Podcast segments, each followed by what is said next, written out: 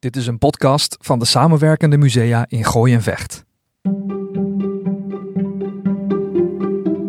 In de serie Gooise Grensverleggers vertellen we verhalen over wereldverbeteraars, vrijdenkers, kunstenaars en uitvinders die in het Gooi hebben gewoond, gewerkt of geëxperimenteerd.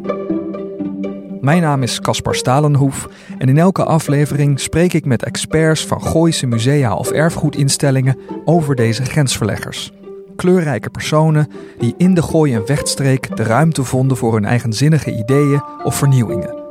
We gaan op zoek naar de sporen die ze hebben nagelaten en van invloed zijn geweest op de regio, op Nederland of zelfs wereldwijd.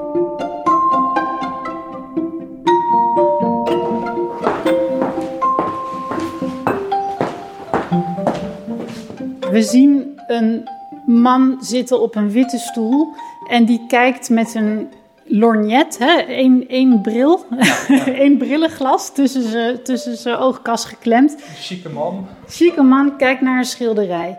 En dat schilderij wordt vastgehouden door een man die verdacht veel op Jan Hamdorf lijkt. Want die kennen we van die ja, soort van boersige pet en de neus. Uh, je ziet nog net niet zijn sigaar in zijn mondhoeken, maar zo wordt hij ook vaak afgebeeld. Deze man en vrouw worden verleid door Jan Hamdorf om een schilderij te kopen. Ja.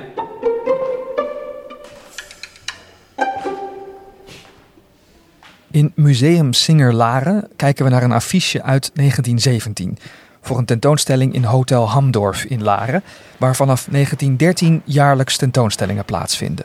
Daar is onderzoek naar gedaan door Anne van Lienden. Ik ben Anne van Lienden, conservator bij Singer Laren. Die tentoonstellingen werden georganiseerd door Jan Hamdorf. En Jan Hamdorf, zou je kunnen zeggen, was een gewone boerenjongen die 35 jaar eerder, op zijn achttiende, de leiding kreeg over de herberg van zijn vader. In de jaren daarna ontpopte hij zich als hotelbaas en cultureel ondernemer. En zo werd hij een van de drijvende krachten achter Laren als kunstenaarsdorp. Toen zijn vader stierf en hem de herberg naliet in 1878, stelde het nog niet zoveel voor. Maar zo'n 20 jaar later, in 1901, heeft Jan Hamdorf er een luxe hotel van gemaakt. En een van zijn eerste gasten dat jaar zijn William en Anna Singer, een Amerikaans echtpaar die naar Laren zijn gekomen omdat ze het kennen van de vele schilderijen die hier zijn gemaakt. Het is natuurlijk heel bijzonder, want Laren is in die periode daarvoor zo beroemd geworden door de schilderijen van Anton Mauve, Jozef Israëls, Hein Kever, Albert Neuhuis, dat die schilderijen tot in Amerika en in Pittsburgh, waar de zingers vandaan kwamen, verkocht werden op grote internationale kunsttentoonstellingen. Vandaar dus ook dat nou ja, als je naar Europa gaat, dan ga je natuurlijk eerst naar Parijs, dat blijft. Maar daarna ga je naar Laren. Daarover hebben we ook gesproken in de eerste aflevering van Gooise Grensverleggers. Dat het landelijke Laren vanaf ongeveer 1870 werd ontdekt door kunstenaars. Over Jozef Israëls bijvoorbeeld gaat de anekdote dat hij s'morgens met de postkoets uit Amsterdam naar Laren kwam, een dag lang buiten ging schilderen en dan s'avonds weer met die koets terugging. Wat voor de plaatselijke bevolking wel een bijzondere verschijning moet zijn geweest. En toen er meer kunstenaars volgden, werd de kleine kroeg in de herberg van Hamdorf senior hun ontmoetingsplek. Een van de kunstenaars uit die tijd, Wally Moes, heeft de jonge Jan Hamdorf daar nog zien rondlopen. Zij herinnert zich dan later, zij schrijft haar memoires eh, op, dat hij eigenlijk vooral nog een, uh, ja, een beetje een onbenullige boerenjongen was die je vooral veel achter de schermen hoorde vloeken. En hij is dus wat op dat moment op zijn achttiende nog helemaal niet zo betrokken bij die herberg. En op een gegeven moment heeft hij toch wel echt het vuur gevonden, denk ik dan. Want hij is toch in die zaak gegaan. Is ook heel betrokken geweest bij het dorp. Want hij was een van de mannen die nou, beargumenteerde... die stoomtram die moet er komen. Hè? Die verbinding uit Amsterdam via Hilversum naar Laren, die moet er komen. Ja, om nog meer mensen hier naartoe te kunnen krijgen. Ja, precies. En die stoomtram kwam er in 1882. Mhm. En vanaf dat moment zie je ook dat er steeds meer kunstenaars komen. Eerst vooral in de zomer. En er zijn er ook steeds meer die ook zelfs een huis laten bouwen hier. En dat kroegje in de herberg, dat blijft de plek waar al die kunstenaars bij elkaar komen. Jan Hamdorf is dus pas 18 als hij de herberg erft. Hij is 22 als mede op zijn aandringen de stoomtram gaat rijden. En als dertiger is hij een handige zakenman geworden die overal commerciële mogelijkheden ziet. En wat hij dan ook vervolgens gaat doen, is het hotel uitbreiden. Ja, want het was een, het was een soort, soort herberg, logement uh, wordt het genoemd. Het zal niet al te groot zijn geweest. Nee, heel primitief. Uh, en je hoort dan ook uit weer andere anekdotes van kunstenaars dat er een soort van uh, weddenschap gaande was tussen Anton Mauve en de Duitse impressionist Max Lieberman, wie de meeste vlooien in zijn waskom had gevonden. okay, nou ja, ja, dat soort dingen, dat zijn inmiddels gevleugelde uitspraken geworden. Daar, de waarheid zal in het midden liggen. Maar. Luxe was het niet in ieder geval. Het was niet luxe. En het was nog natuurlijk behoorlijk klein. Ja. Maar met die komst van die kunstenaars uh, ziet Hamdorf wel mogelijkheden. Als het naburige pand in 1898 afbrandt, dan mhm. koopt hij dat en dan gebruikt hij die ruimte om een uitbreiding aan zijn hotel te bouwen. Ja. Verder daarnaast lag nog de boerderij van de familie de Jong. Die koopt hij ook. En dan kan hij dus in 1900 dat hele nieuwe hotel bouwen. En dat doopt hij dan ook Hotel Hamdorf, het luxe Hotel Hamdorf. Ja.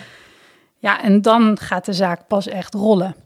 Ja, en dan zie je dus ook dus het begin van zijn, uh, zijn ondernemerschap dan eigenlijk. Hè? Ja, hij krijgt uh, iets eh, vanuit zijn gezin, um, neemt hij het over. en hij denkt, hier valt meer van te maken. Ja, en hij groeit in zijn rol als ondernemer. En tegelijkertijd ziet hij heel goed in dat hij in dat dorp ook actief moet zijn. Dus hij wordt raadslid, hm. later ook zelfs nog wethouder. Mm -hmm. En is in die zin ook heel betrokken bij hoe het er in het dorp aan toe gaat. Ja, en kan die dus ook een beetje aan de touwtjes trekken, neem ik aan. Als je, daar dat doet hij natuurlijk voor. Ja, ja. Hij was degene die dat toerisme wilde aanwakkeren. Ja, ja. En Hotel Hamdorf die een vermelding krijgt in de Bedekkers reisgids. Al dat soort dingen, ja, dat kunnen we toch wel echt aan hem toeschrijven. Ja. En na de kunstenaars komen er steeds meer andere mensen op Laren af. Toeristen voor een dagje of voor de zomermaanden. En de eerste forensen die er hun huis laten bouwen. Voor de kunstenaars begint het dorp dan wel langzaam wat duur te worden. Maar daar weet Hamdorf ook wel raad mee. Want uh, de vlasschuur, wat van oudsher de, de schuur was waar, het, uh, waar de wol uh, gesponnen werd, die verbouwt hij tot atelierruimtes en die verhuurt hij dan weer. die schilderes Wallimous, die zegt dan ook van in 1897 schrijft ze dan aan een vriendin. Hamdorf heeft nog steeds geen grond gevonden om een atelier op te bouwen. Dus hij probeert ook allerlei dingen te regelen voor al die kunstenaars en andere mensen in het dorp. Ja, dus bij Hamdorf moest je zijn ook. Die kon dingen voor je regelen. En um, nou, dan ziet hij al die kunstenaars. Dat, wil, dat gaat hij dus op een gegeven moment ook letterlijk een plek geven. Hè? Want dan gaat hij dus ook besluiten: ik, ik ga hier een ruimte voor inrichten. En dan begint hij zijn kunstzaal. Ja, ja want in 1913 uh, wordt gevierd dat Nederland zo'n 100 jaar onafhankelijk is. Ja. Dan zet hij een aantal van die kunstenaars die in het dorp wonen aan het werk eigenlijk in een commissie van nou wat kunnen we doen om dat te vieren? Nou ja, wat is er dan mooier dan een kunstzaal? Het was tot nu toe er nog nooit van gekomen dat er een, een kunstenaarsvereniging eigenlijk in het leven was geroepen. Die, die kunstenaars die hingen als loszand aan elkaar. Ja. Verbindende factor was dat kroegje van Hamdorf. Dus wat doet hij? Hij zet een kunstzaal neer. En de schilders uh, uh, Hendrik Jan Wolter en Willy Sluiter zijn er dan allemaal bij betrokken om dat te maken, zelfs te ontwerpen. Wolter ontwerpt zelfs die witte stoeltjes die je ook ziet op affiches. En de tafeltjes voor in de tuin. En dan komt die kunstzaal. En het is niets meer dan vier houten wanden, grind op de vloer, mhm. eh, gebouwd tussen het hotel en de paardenstal. En dan, uh, nou, gaan tentoonstellingen maken. En vanaf dat moment is er dus ieder jaar in de zomer een grote kunsttentoonstelling. Nou, met honderden schilderijen, meer dan 200 mhm. meestal. En tegelijkertijd ja, zou Hamdorf Hamdorf niet zijn, de ondernemer, om dan tegelijkertijd ook die feesten te programmeren in die binnentuin, in die zomertuin? Dat zijn dus de jaarlijkse feesten en tentoonstellingen waarvan we aan het begin van deze aflevering een affiche bekeken. Met de boers geklede man die een schilderij verkoopt aan een chic stel. Vanaf 1913 komen er jaarlijks uit het hele land steeds meer van dat soort mensen naar de zomerfeesten en Laren krijgt daarop ook steeds meer nieuwe bewoners. Ja, en er was ook wel kritiek op, hè, want er werd ook een boek uitgebracht in datzelfde jaar, 1913, door Pieter van Moerkerken. Die schreef het boek De ondergang van het dorp. En in dat dorp, dat, dat dorp heet Aarlo in dat boek, maar dat is eigenlijk gewoon één op één Laren. Mhm. En dan is er een, een hotelier, Dirk Boersink. Nou, het is ook één op één Jan Hamdorf. En dat staat helemaal bol van hoe erg het wel niet is dat, nou ja, dat pittoreske dorp gaat volledig ten onder aan die al die inkomende mensen en die kunst. En eh, nou ja, goed, dus daar zie je dat die kritiek op die commerciële inslag van Hamdorf, Ja. ja, die was er wel degelijk. Ja. Maar aan de andere kant, ja, zorgde hij er ook wel weer voor dat, eh, dat, dat de, de weg dan bestraat werd. De, de zandweg tussen Laren en Blarikum, die torenlaan, die werd bestraat. En ja, hij zette zich voortdurend in om ook dat dorp wel in zijn gevoel beter te maken. Ja. Nu zouden we dat cultureel ondernemerschap noemen. En Hamdorf zet daarmee iets in beweging dat navolging krijgt. Ook als hij zich langzaam begint terug te trekken. Hij wordt dan in 1920 ook eh 60. Wordt groots gevierd in Hamdorf natuurlijk. En dan gaat hij daarna langzaam het stokje ook overgeven aan anderen. In 1921 wordt dan de eerste kunstenaarsvereniging, eh, beeldende kunstenaars Laren Blaricum, opgericht. En die gaan dan zo geleidelijk aan vanaf dat moment die kunsttentoonstellingen organiseren. En dan Ja. zie je ook weer een andere stempel drukken. Dan leggen die kunstenaars zelf de stempel op hoe die affiches ontworpen worden, wie dat doet en hoe die eruit zien. En als dan Hamdorf echt helemaal is teruggetreden en ook is na zijn overlijden in 31, dan zie je dat de nadruk weer helemaal komt te liggen op die feesten en die jazzmuziek van de Ramblers. En dat dan het management van Hotel Hamdorf, Ilko Harmsen van Beek, de opdracht geeft om weer nieuwe affiches te maken. In een stijl die dan past bij die tijd. Ja. En dat gaat dwars door de crisisjaren heen. Nee, het is dan wel crisis, maar alsnog worden daar die feesten georganiseerd.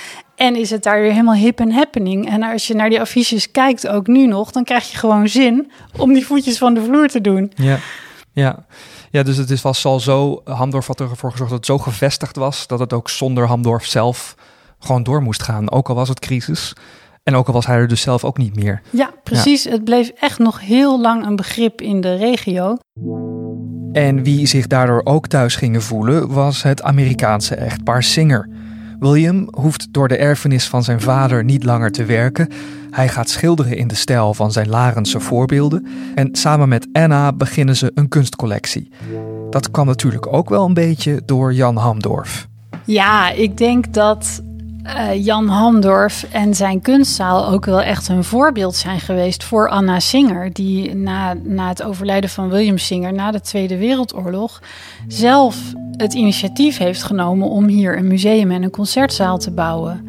In die periode bestond Hotel Hamdorf nog wel, maar je zag toch wel een gemis opkomen van nou blijft die kunst wel onder de aandacht gebracht worden. En ja, zij hebben ook veel werk verzameld van die Larense schilders. En om dat dan een permanente plek te geven op de plek waar die kunstenaarskolonie ontstond en Ja. zo'n grote bloeiperiode heeft gekend, ja, dat is denk ik wel iets wat. eh, ja, als Hamdorf er niet was geweest, eh, ja, weet je niet of ze hier ook wel die stap had gezet om hier dat museum te stichten. En terug in dat museum laat Anne me nog wat voorbeelden zien. En ergens doet een ander affiche haar aan Mondriaan denken. Ja, want dat hebben luisteraars dan misschien ook al gehoord. Dat Mondriaan hier in de Eerste Wereldoorlog zat. En ook in die kroeg van Hamdorf kwam om te dansen, om te biljarten, om, eh, om een fijne avond te hebben. Ja, het verhaal gaat dat Piet Mondriaan hier kwam om te dansen. En dat deed hij dan modern en op een bepaalde hoekige manier. Die wel de aandacht trok. Eh, maar exposeren op die kunsttentoonstellingen, dat deed hij dan weer niet. Terwijl hij op dat moment hier natuurlijk zijn abstracte schilderijen maakte. Ja. En je, je denkt, dit affiche doet, doet je een beetje aan hem denken.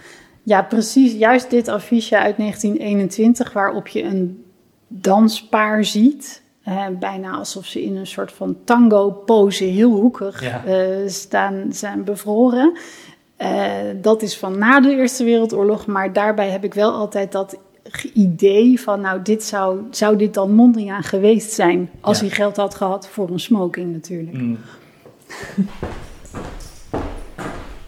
nou ja, de, de erfenis van Jan Hamdorf is dan vooral nu nog nagelaten in foto's, in de affiches van die tentoonstellingen, van die feesten, maar ook in de schilderijen die hij heeft nagelaten aan de gemeente Laren.